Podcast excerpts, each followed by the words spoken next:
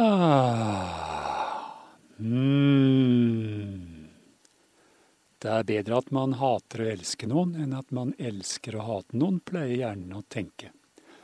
Velkommen til ukens kåseri av hjernen og stemmen. Norges sløveste, langsomste og kjedeligste podkast, med stor sannsynlighet.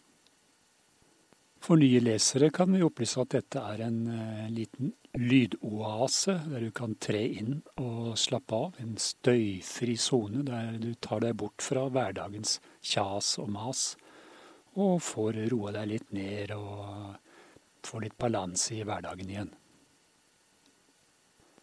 Hjernen sitter her på andre siden av bordet for meg og tenker sine underlige, rare og meningsløse tanker og siden han er stum, er det jeg, som er stemmen, som flåser dette videre ut til dere lyttere.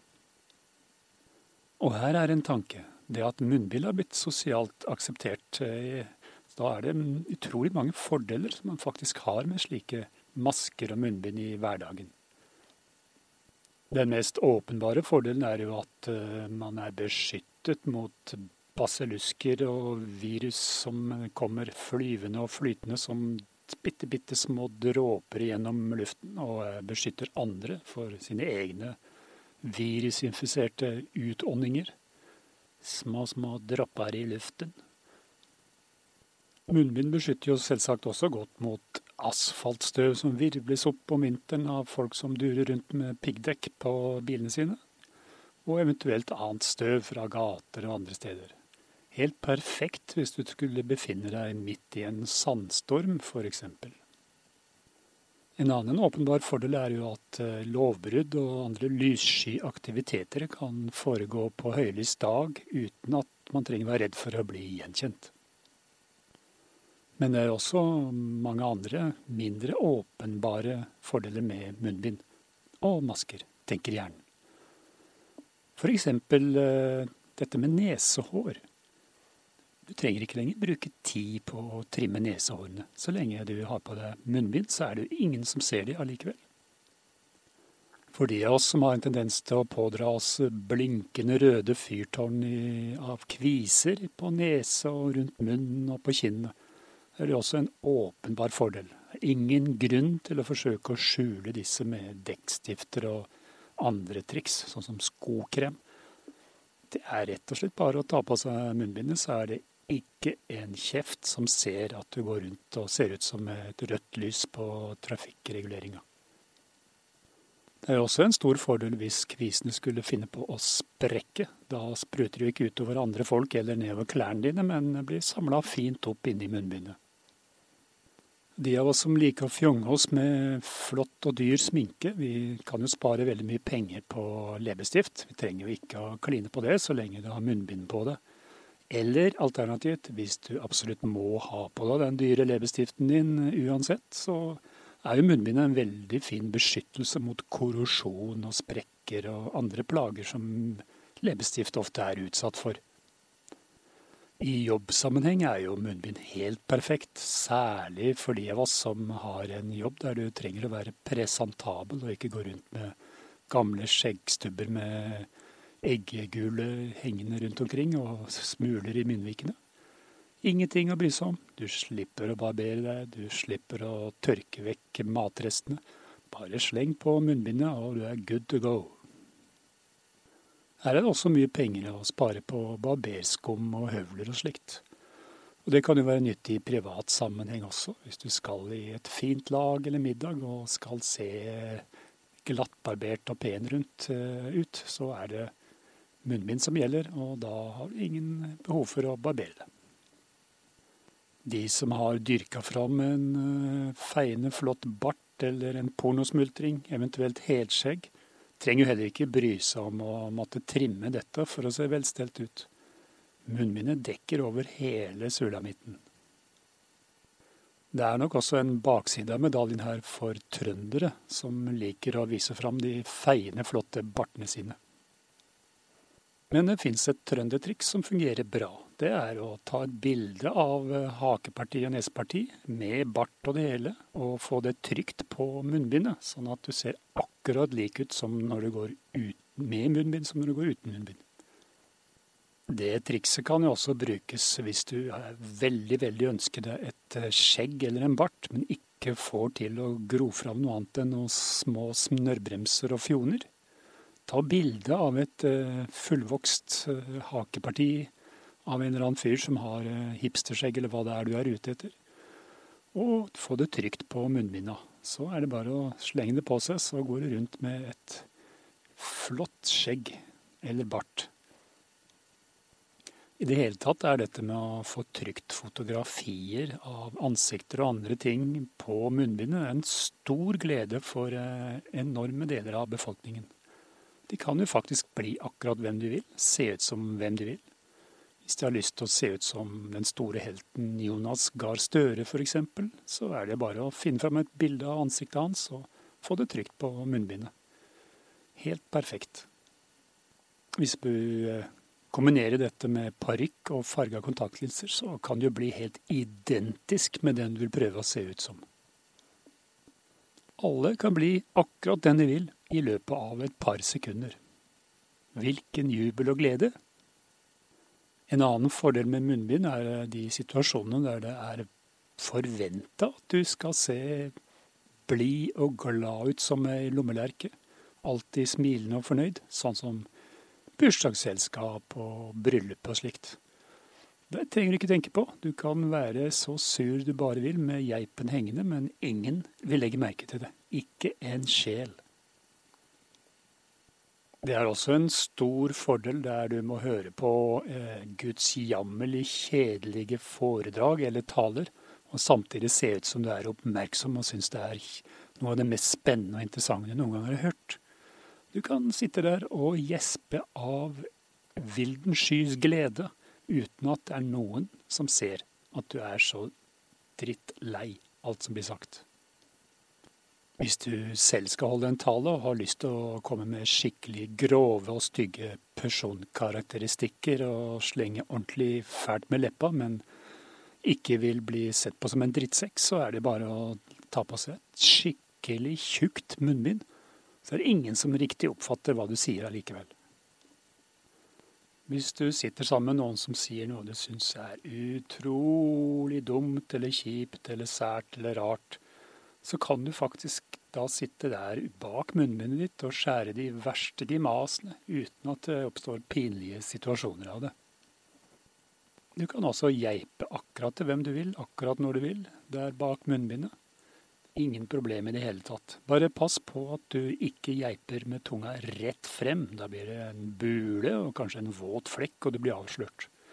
Heller ikke så lurt å geipe med tunga oppover. Da kan du dra med deg en masse snørr, og det er ikke noe særlig godt.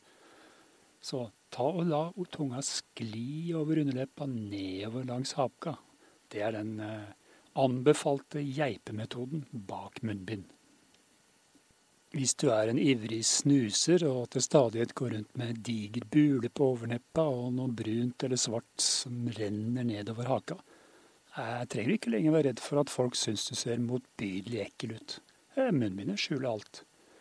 Men pass bare på at du ikke spytter ut snusen mens du har munnbindet på. Det kan bli ganske grisete.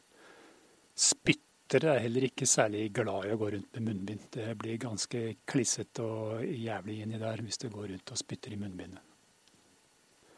Du kan også droppe alt det der kjaset og mas og strevet og kostnadene med munnhygiene og tannhygiene. Det er, du kan ha så brune og svarte og grønne og gule tenner som du bare vil. Du kan mangle tenner, du kan ha tenner som du har datt bite av. Ingen problem, det er bare å smelle på munnbindet, så er det ingen som ser det allikevel. Hvis du er redd for at det medfører dårlig ånde, er det bare å dyppe munnbindet i en mentolblanding eller eukalyptusflytende blanding før du tar det på. Så er den saken ordna også.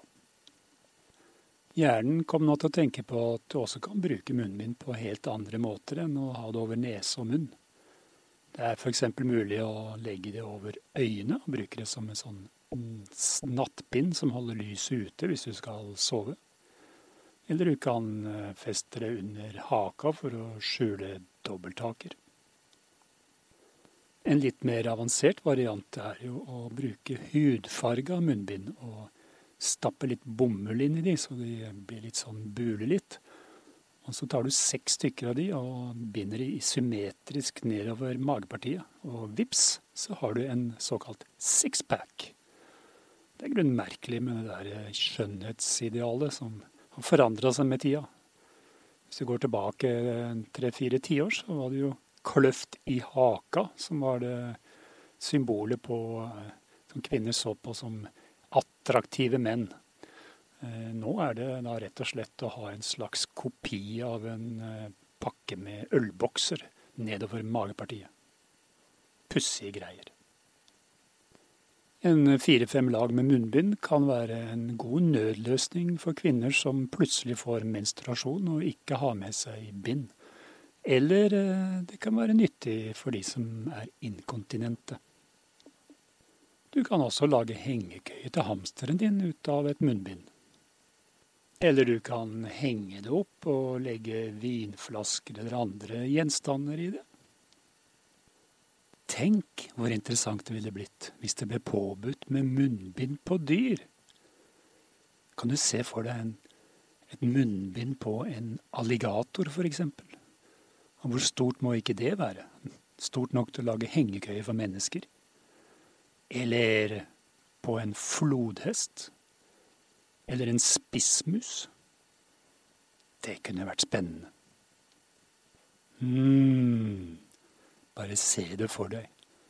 Lukk øynene og spill en liten film inn i hodet ditt.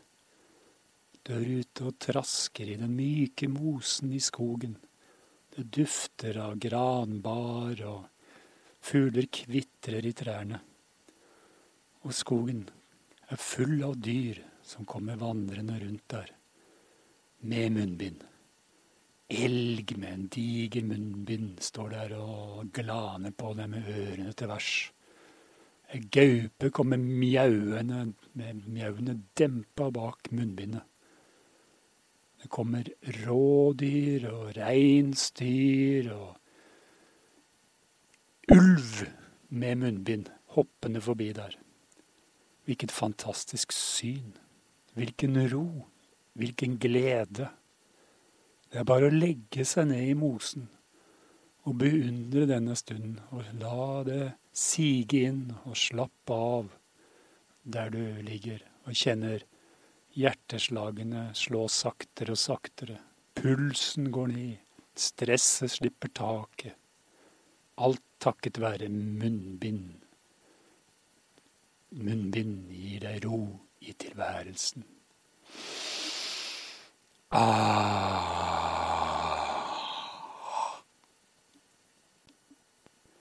Det ryktes at millioner av våre lyttere har spontanimplodert eller spontanselvantent mens de har lyttet på denne podkasten. Det er jo selvfølgelig helt og holdent hjernen sin skyld, som kommer med slikt eh, spinnsløve, usannsynlige og merkelig tankespinn som man gjør. Mye tyder på at hjernen egentlig er et hittebarn som ble født i Visvassia og kom flytende nedover Glomma på en flåte av tøv, der han ble funnet av en velstående sosialdame, sosietetsdame, som tok ham til seg og oppfostret ham eh, som sin egen tulling. Hun ble selvfølgelig veldig glad da hun oppdaget at noen hadde tatt seg bryet med å klippe bort stemmebåndene før han ble satt på tøvflåten. Så slapp hun å høre på all den grininga og gnålet og de fæle tankene han kom med hele tiden. Betegnelsen sosietetsdame er for øvrig hjernens egen betegnelse på sin egen fostermor. Hvordan han har fått det for seg, er det egentlig bare hjernen som vet. I denne uendelige, sløve flyten av ubrukelige tøysetanker kommer nå gjerne med at uh, snubling er en svært undervurdert fritidsaktivitet. Folk burde rett og slett snuble mye mer, flere ganger daglig, syns han. Ikke bare får det selvutnevnte verdensmestere og bedrevitere til å jekkes ned et par hakk. Det har også en eh, lang rekke fordeler for de mer ydmyke av oss her i verden. En av disse fordelene er at man lærer hvor deilig det er å bli ledd av og pekt på.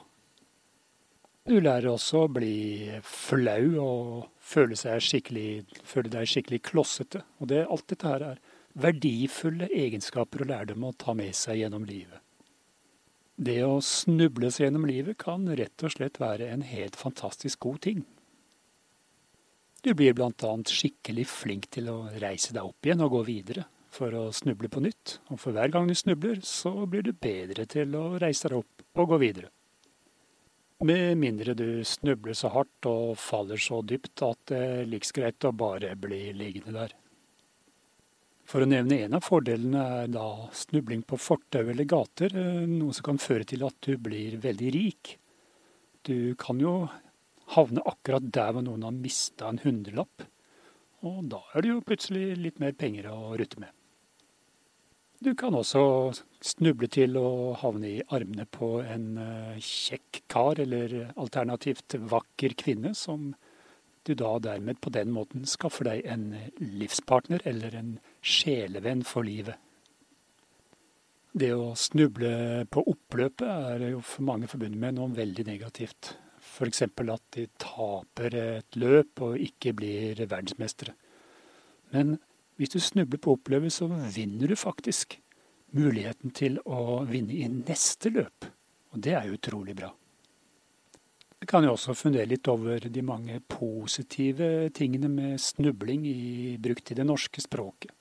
Som at man snublet over noe på internett som var fryktelig morsomt. Eller snublet over noe som gjorde at den ble veldig, veldig rik. Eller snubla over eh, et menneske på en datingtjeneste som viste seg å passe perfekt. Så er det så veldig mye man kan snuble i, da. Du kan gjøre det nesten overalt og når som helst. Eh, du kan forsøke med dørstokker eller fortauskanter. Eventuelt andres krokfot. Eh, eller snublesteiner som ligger i gata. For eksempel. Det er nok av steder du kan øve deg for å bli skikkelig flink snubler. Det er også rimelig gode muligheter for å komme på det norske snublelandslaget, i og med at det er veldig få norske utøvere som har begitt seg på denne sporten. Og da kan du delta i store stevner som EM, VM, OL og Utenriksforbundet. Hvis du har veldig store problemer med å klare å snuble, kan det være en idé å prøve med altfor store sko, gjerne noe med klumpete tupp. Hvis du fortsatt syns det er veldig vanskelig, kan du forsøke med froskeføtter. Det er en, en sikker vinner. En suksessoppskrift. Hvis du ikke er fornøyd med nesepartiet, kan snubling også være en eh, kjapp måte å forbedre nesepartiet, f.eks. med å snuble skikkelig hardt inn i en murvegg. For eh, hvis du vil gå inn for en karriere i det militære, så finnes det veldig gode muligheter for snublere til å oppnå titler som klossmajor.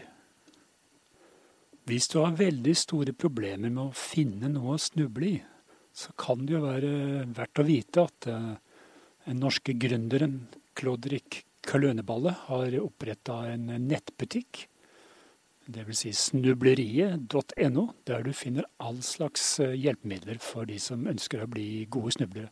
Alt fra nybegynnernivå til uh, amatørutøvere til proffutøvere. Der finnes det all slags tilbehør og klosser og alt, alt, mulig rart. Steiner man kan snuble i, og stenger og I det hele tatt. Gå inn og ta en titt. Det er et virvar av, av hjelpemidler til en rimelig penge. Og uh, selvfølgelig har det ingenting med å gjøre med at uh, snubleriet.no er vår uh, hovedsponsor. At vi nevner dette akkurat nå i akkurat denne sendingen, her på hjernen og stemmen. Bare glem det. Ingen kobling her.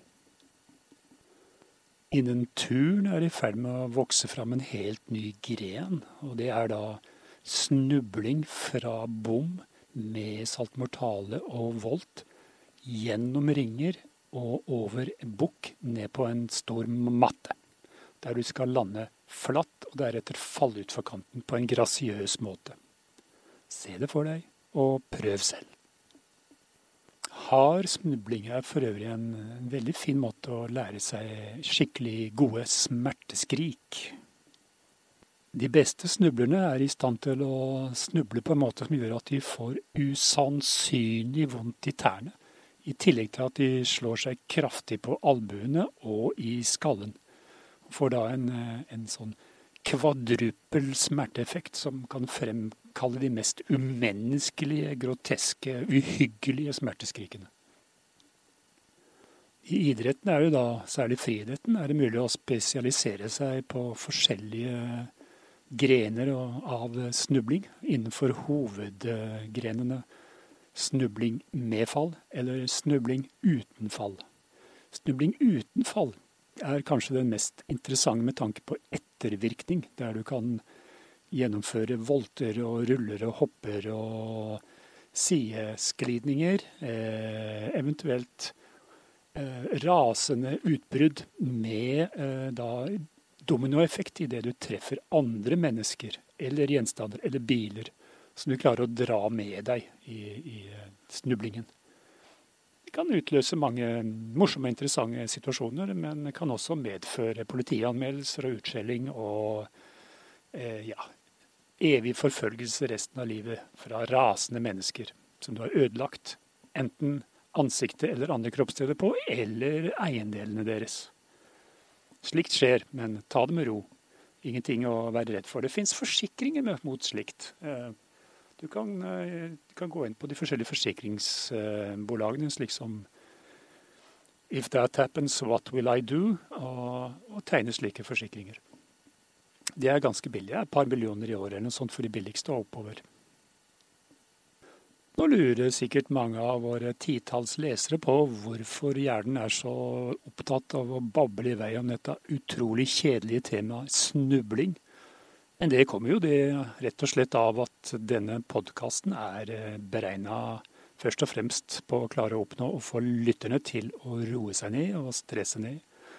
Ta en pause, bli litt avslappa i den eh, angstfylte og skrekkenytende hverdagen vi lever i. Og snubling kan være utrolig rogivende. Spesielt hvis du, hvis du, snubler og blir liggende. Du kan bare bli liggende der og bare plutselig ta det med ro. Du er i en stressituasjon, du langer ut og skal rekke både det ene og det andre og det femte. Og i det øyeblikket du akkurat er i ferd med å rekke bussen, så snubler du og blir liggende. Og da, da trenger du ikke rekke noe lenger. Da kan du ta det helt med ro. Det er allerede for sent. Du har ikke noe du trenger å rekke fordi det er for sent. Og det i seg selv kan jo gi en avslappende virkning. Du kan bare gi opp det du hadde tenkt å, å gjøre, det du har tenkt å nå. Trenger ikke dra på polet før det stenger, for det, det stenger uansett før du rekker fram. Det er bare å bli der og lukke øynene og slappe av og tenke på en god eh, låt du hørte i dag på radioen, eller hvordan det var å sykle nedover i Maridalen med skjorteflakene hengende bak deg i sommervarmen. Hva som helst som du syns eh, er en deilig og rogivende aktivitet. Du kan jo ta, sove litt også hvis du vil. Du trenger det sikkert. Du ser så trøtt ut etter alt det stresset du har drevet med i dag. Snubling kan rett og slett snu helt om på hverdagen. Fra det stressende til det rogivende. Amen. Ah.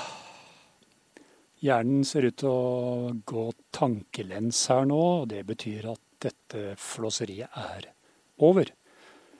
Da runder vi av, som vi pleier å gjøre, med Lars Saabye Christensens bevingede ord. Ta det med ro det kommer tidsnok for sent. Ah, mm.